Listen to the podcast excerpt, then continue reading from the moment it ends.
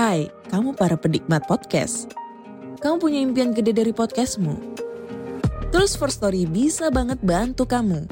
Mulai dari F-Link, Dynamic Audio Insertion, sampai statistik yang komprehensif. Semua ada di First Story. Gak ketinggalan kamu bisa monetisasi podcastmu lewat iklan dari First Story Ads yang bisa kasih kamu penghasilan dari setiap place podcastmu. Yuk gabung sekarang dengan klik di firststory.me. Sekali lagi, klik di firststory.me. Mari kita bawa mimpi podcastingmu menjadi kenyataan.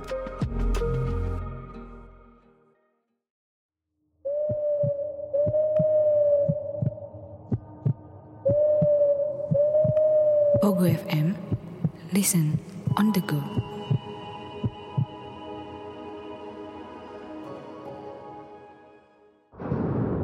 Hai, saya Chow Sing Sing. Selamat datang di podcast Horror Night Story. Pasang telinga, buka pikiran, dan biarkan rasa takut merayap di dalam dirimu. Selamat mendengarkan.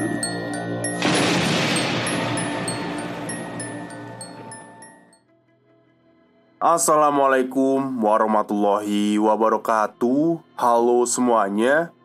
Jumpa lagi dengan saya Chow Sing Sing, kurator dari podcast Horror Night Story. Halo, apa kabar semuanya? Semoga kalian semua baik-baik saja ya. Dan seperti biasanya, pada hari ini saya kembali dan akan menghadirkan sebuah kisah mistis untuk kalian semua. Kisah mistis kali ini saya dapatkan dari treat horornya Mas Nugro Agung yang menceritakan tentang dua orang sahabat yang terjebak di sebuah alam lain. Oke, daripada kita berlama-lama, mari kita simak ceritanya. Entah apa yang terjadi, kami terpisah dari rombongan. Hujan deras, kabut tebal, membuat pandangan kabur. Hal ganjil yang terjadi hampir saja membuat kami menemui maut di kala petang datang. Halo, Mas.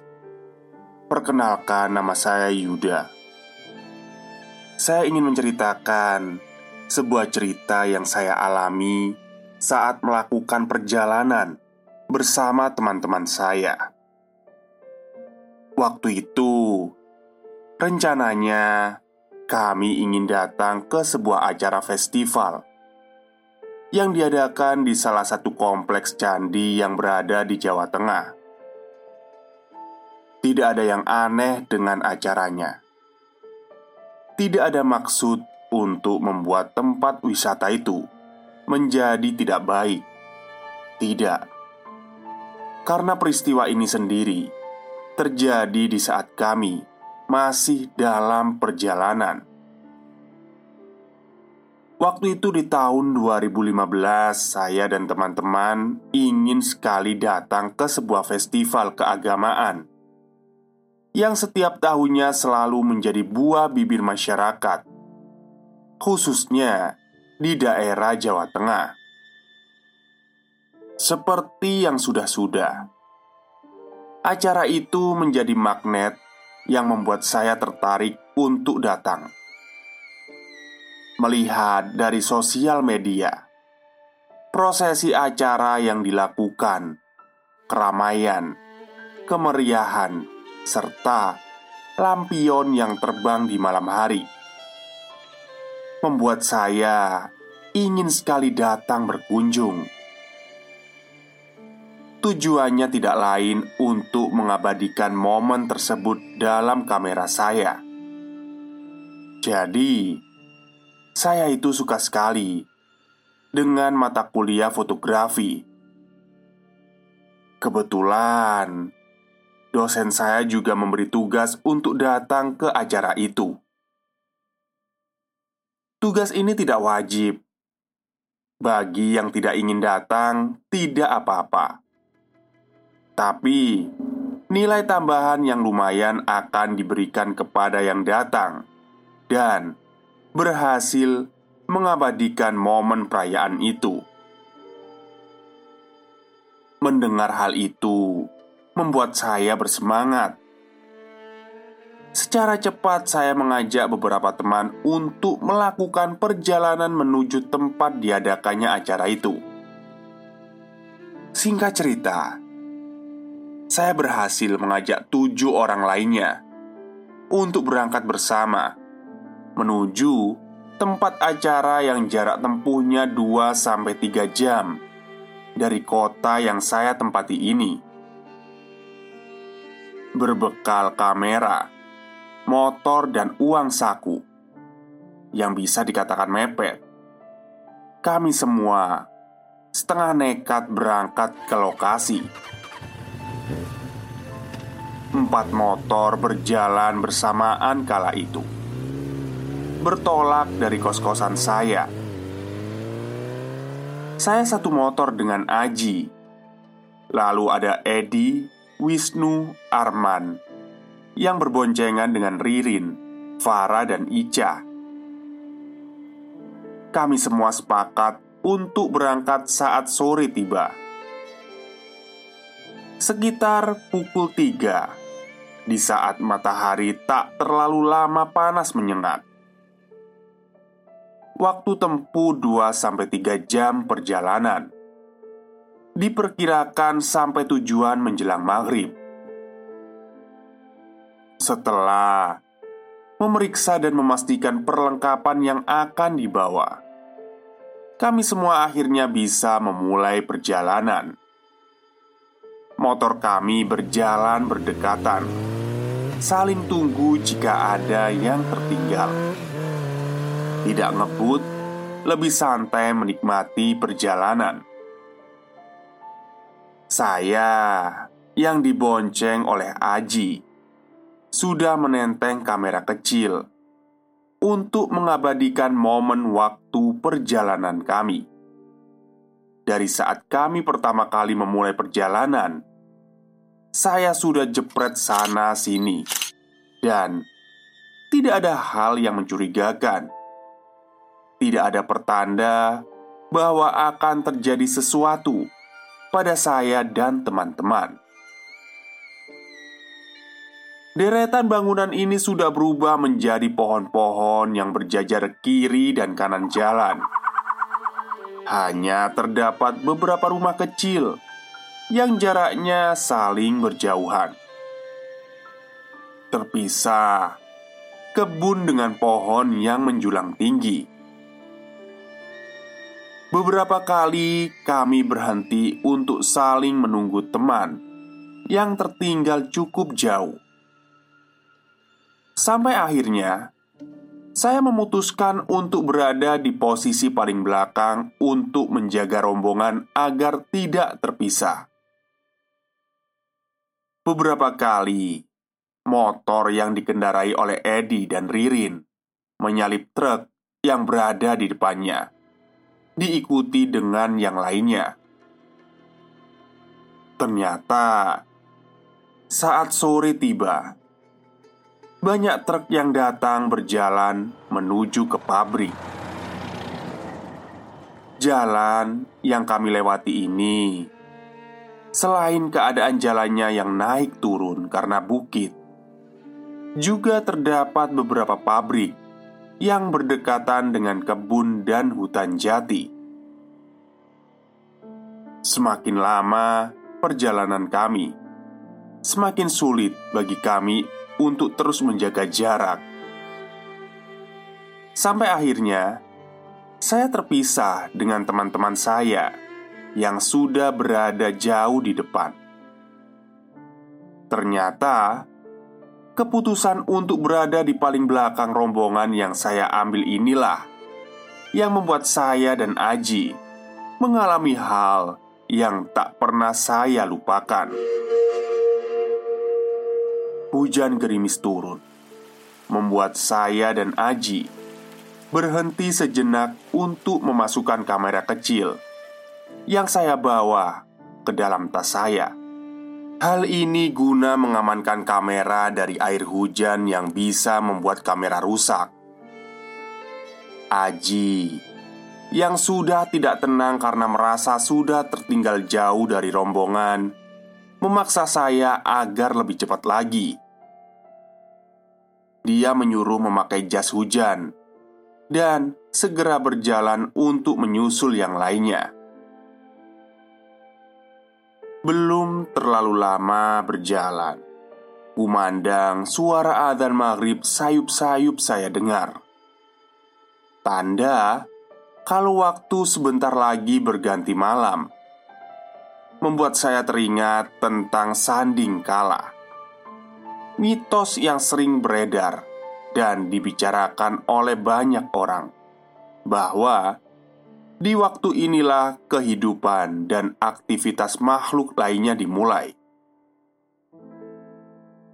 Des, gak berhenti dulu. Masuk maghrib ini loh. Ucap saya mengingatkan Aji dengan memanggilnya Gondes. Sebutan yang sering diucapkan saat memanggil seseorang di daerah kami. Alah, Gas wayut Biar ketemu teman-teman dulu aja lah Baru istirahat kita Jawab Aji panik Gak apa-apa toh Kata orang Maghrib itu Alah Percaya sama dongeng orang lama loh Gas aja Aman-aman Percaya sama aku Potong Aji Yang membuat saya kesal belum juga selesai berbicara, sudah asal potong saja.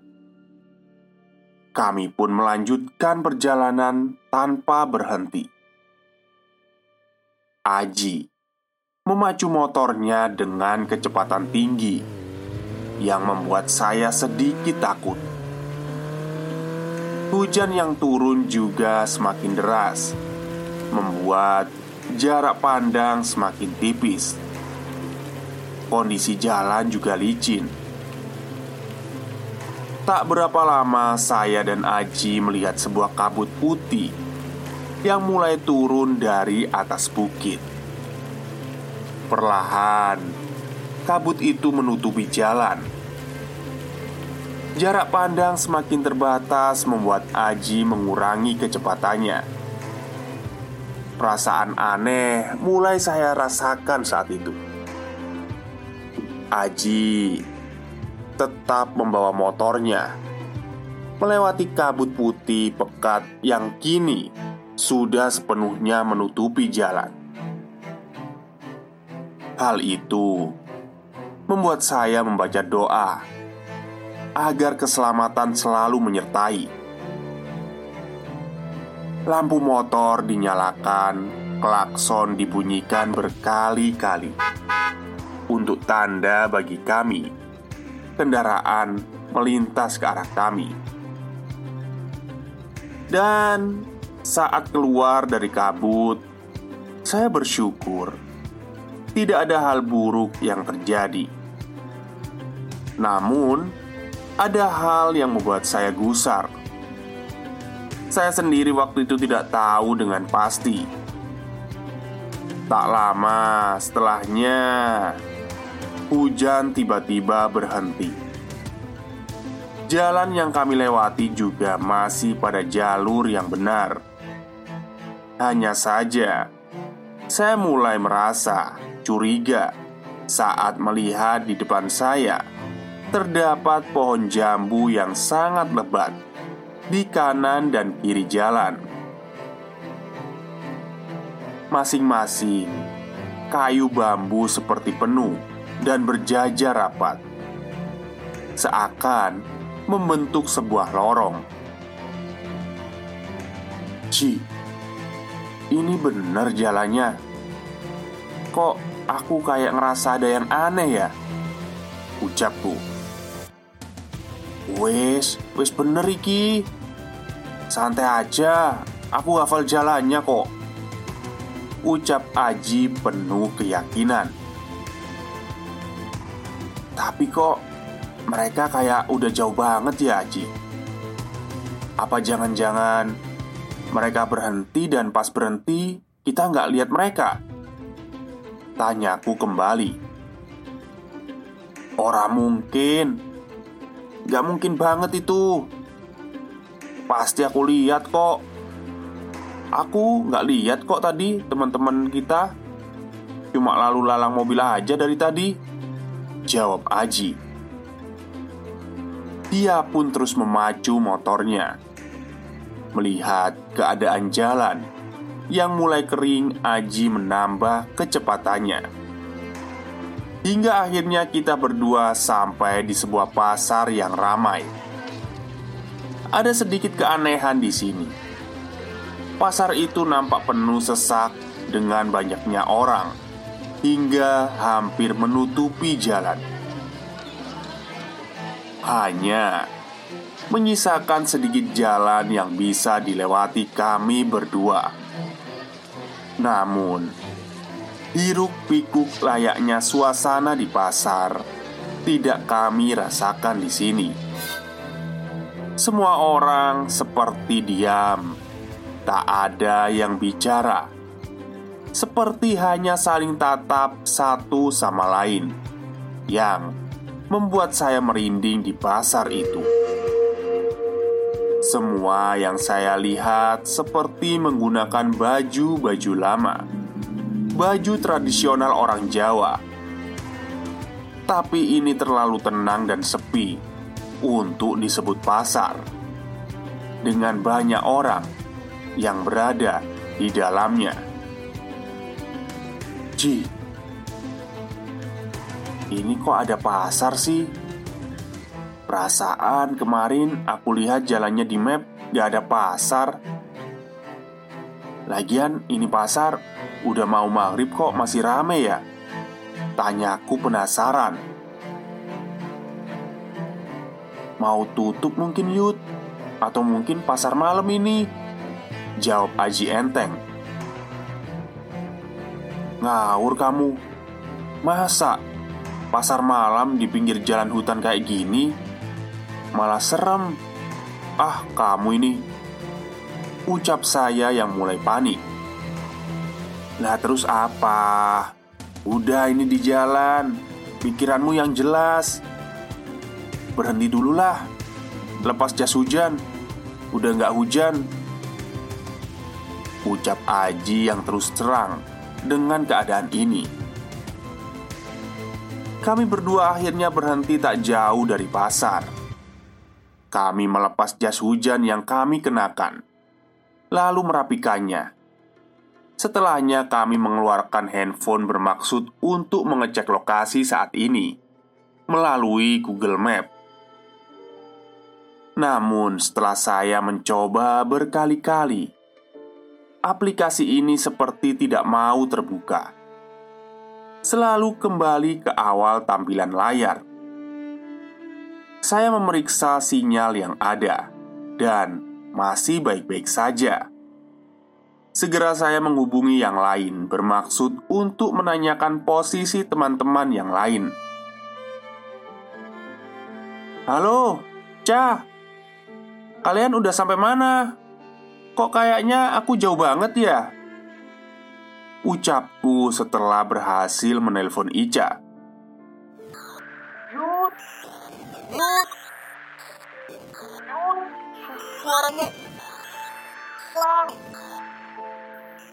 Ucapan Ica dengan perkataannya tidak jelas ku dengar karena gangguan sinyal.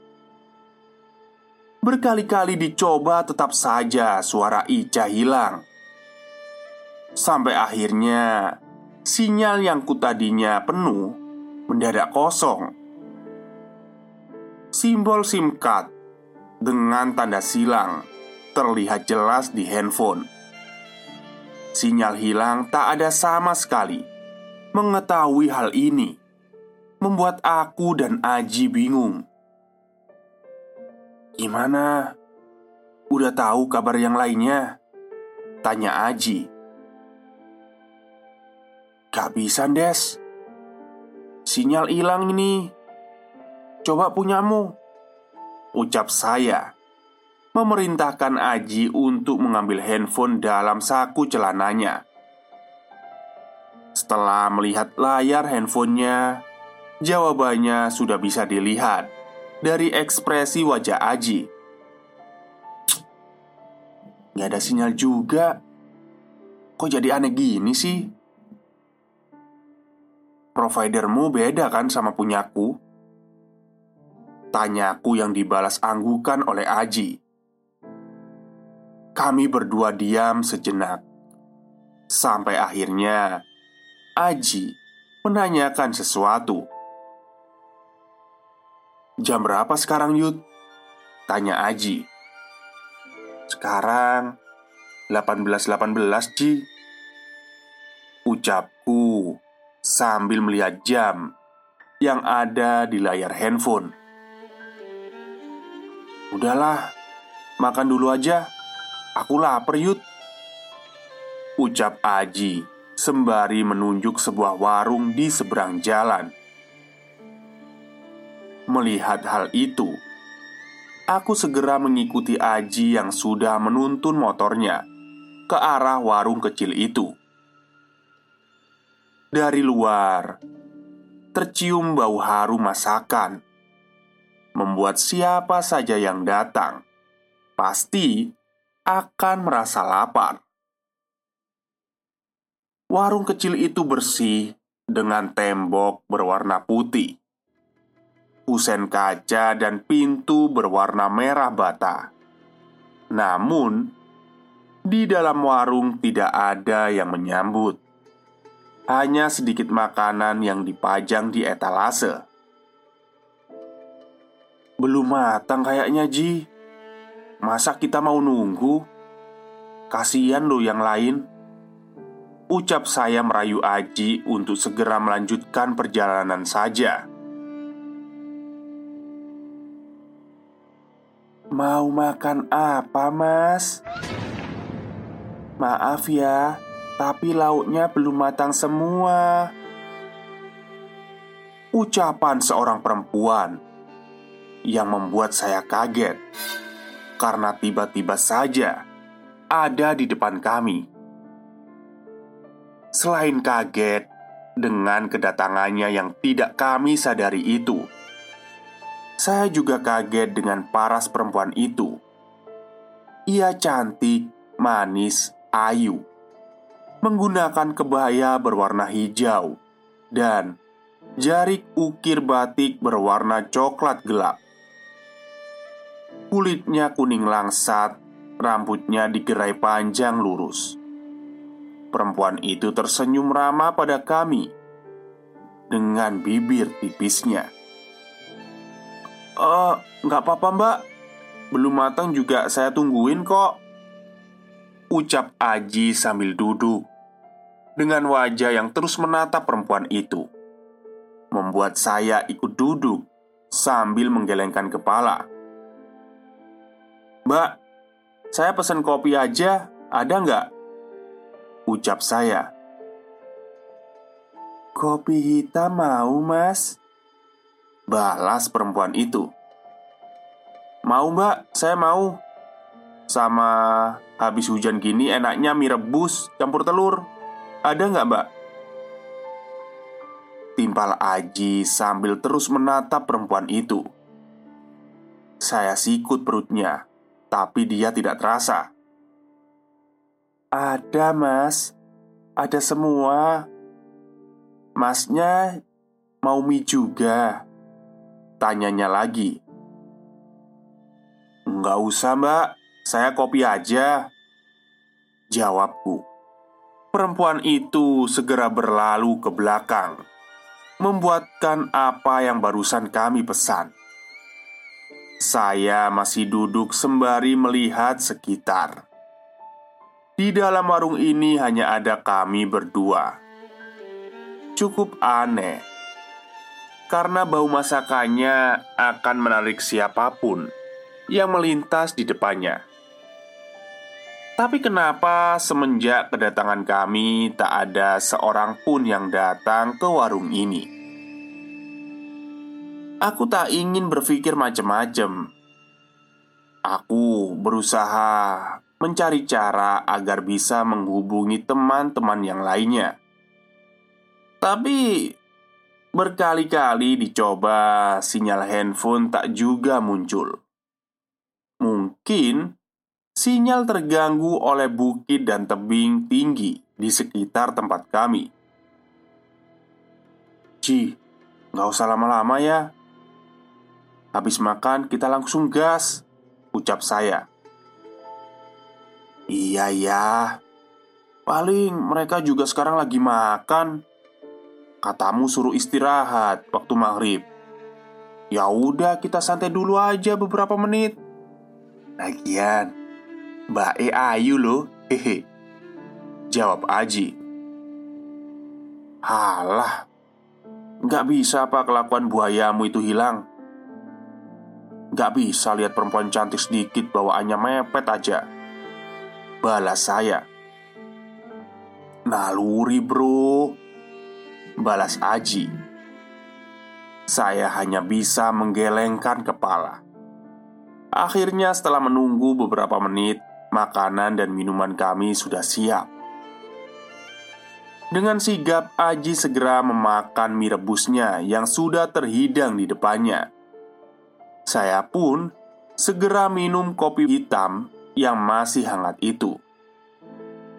Dari baunya, mie yang dimakan Aji terlihat cukup enak. Tapi saya tidak ingin makan karena akan membuat perut tidak nyaman saat masih dalam perjalanan. Jadi, saya cukup minum kopi saja. Rasanya enak, tidak terlalu pahit, dan manisnya pas. Waktu terus berjalan. Setidaknya itulah yang kami rasakan. Makanan sudah habis, dan kami pun bersiap-siap untuk melanjutkan perjalanan. Satu hal yang kami terlambat menyadari setelah menyajikan makanan pada kami, saya tidak lagi melihat perempuan itu. Suara berisik dapur tanda orang sedang memasak juga tidak kami dengar.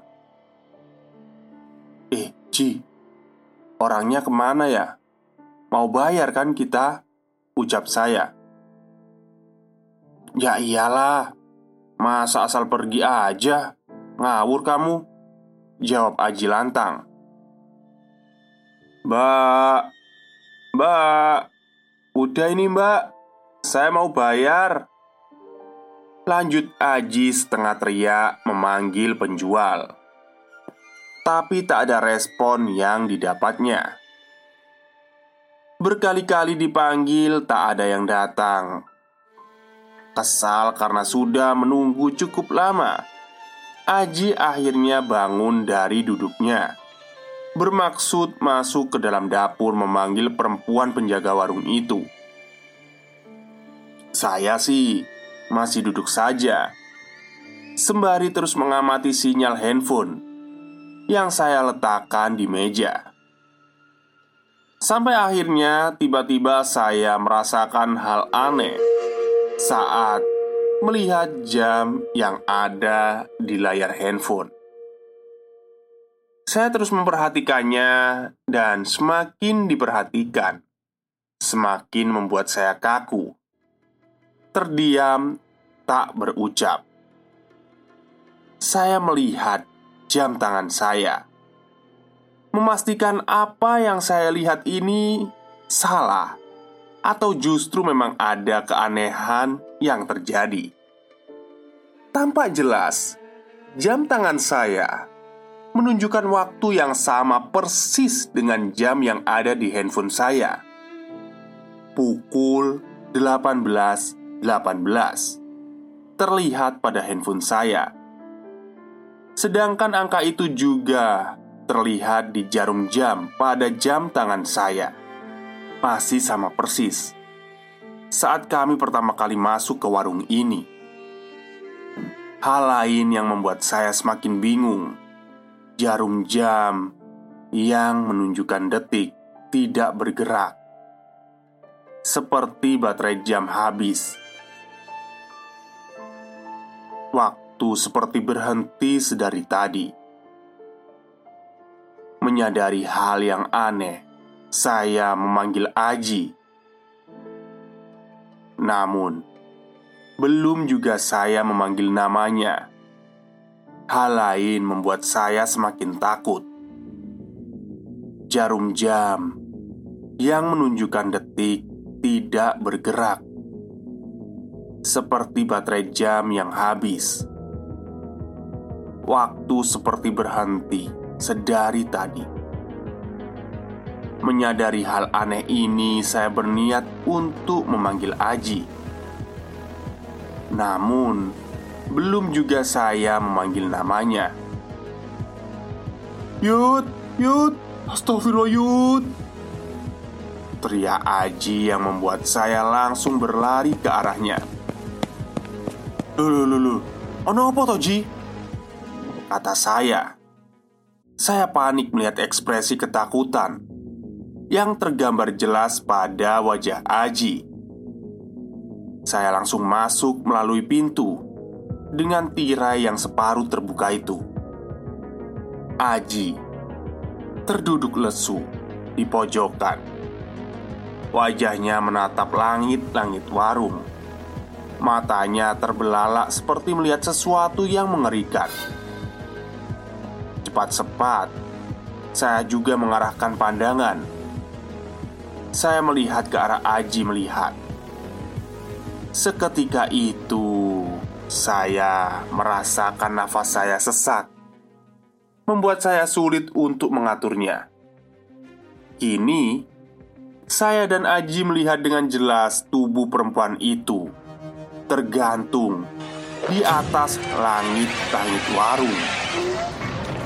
Lehernya terikat tali tambang berwarna coklat yang dikaitkannya di sela-sela bambu yang menjadi atap warung itu. Setengah wajahnya sudah hancur, kakinya menghitam. Begitu juga dengan tangannya. Bau busuk tiba-tiba menusuk penciuman kami berdua.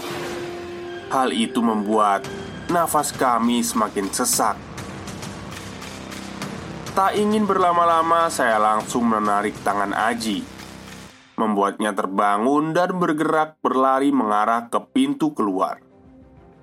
Tak lupa, kami mengambil barang-barang yang ada di sana, memakai jaket dan perlengkapan berkendara. Satu hal yang semakin membuat saya yakin kalau kami berdua berada di kondisi yang tidak jelas. Pasar yang lokasinya beberapa meter dari warung nampak sepi tidak ada tanda kehidupan di dalamnya. "Ayo, Yud, buruan naik!" Kata Aji yang sudah bersiap di atas motornya dengan mesin menyala. Saya pun segera naik. Apa yang barusan dilihat hanya bisa disimpan terlebih dahulu, tak bisa diceritakan. Motor segera melaju, meninggalkan tempat itu. Merasa penasaran dengan warung dan pasar tadi, saya pun memberanikan diri untuk melihat ke arah belakang. Entah mata saya yang salah atau apa. Kini, yang saya lihat nampak perempuan itu berdiri di depan warung dengan kondisi saat tergantung tadi menatap ke arah kami dengan senyuman kecil di wajahnya yang setengah hancur itu. Tak lama, ia membungkukkan tubuhnya, sembari seperti memberi hormat pada kepergian kami. Tapi entah apa maksudnya. Yang jelas, melihat hal itu, nafas saya semakin terengah-engah. Oke, mungkin itu dulu ya untuk bagian pertama cerita Kala Maghrib yang ditulis oleh Mas uh, Nugroho, Mas Nugroho Agung melalui tweet Twitternya. Jadi untuk bagian kedua nanti saya kabarkan lebih lanjut karena ini memang panjang ya.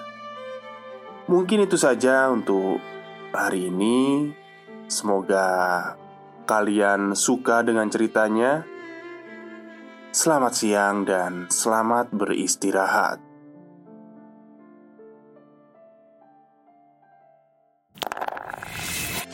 Mau tahu begini, mau tahu begitu. Emang kenapa sih mau tahu? Bareng gue Firdo, Bareng gua Nandi, banyak banget yang bisa lo tahu dari Kenapa sih Podcast. tayang setiap Selasa dan Jumat Eksklusif di Pogo FM.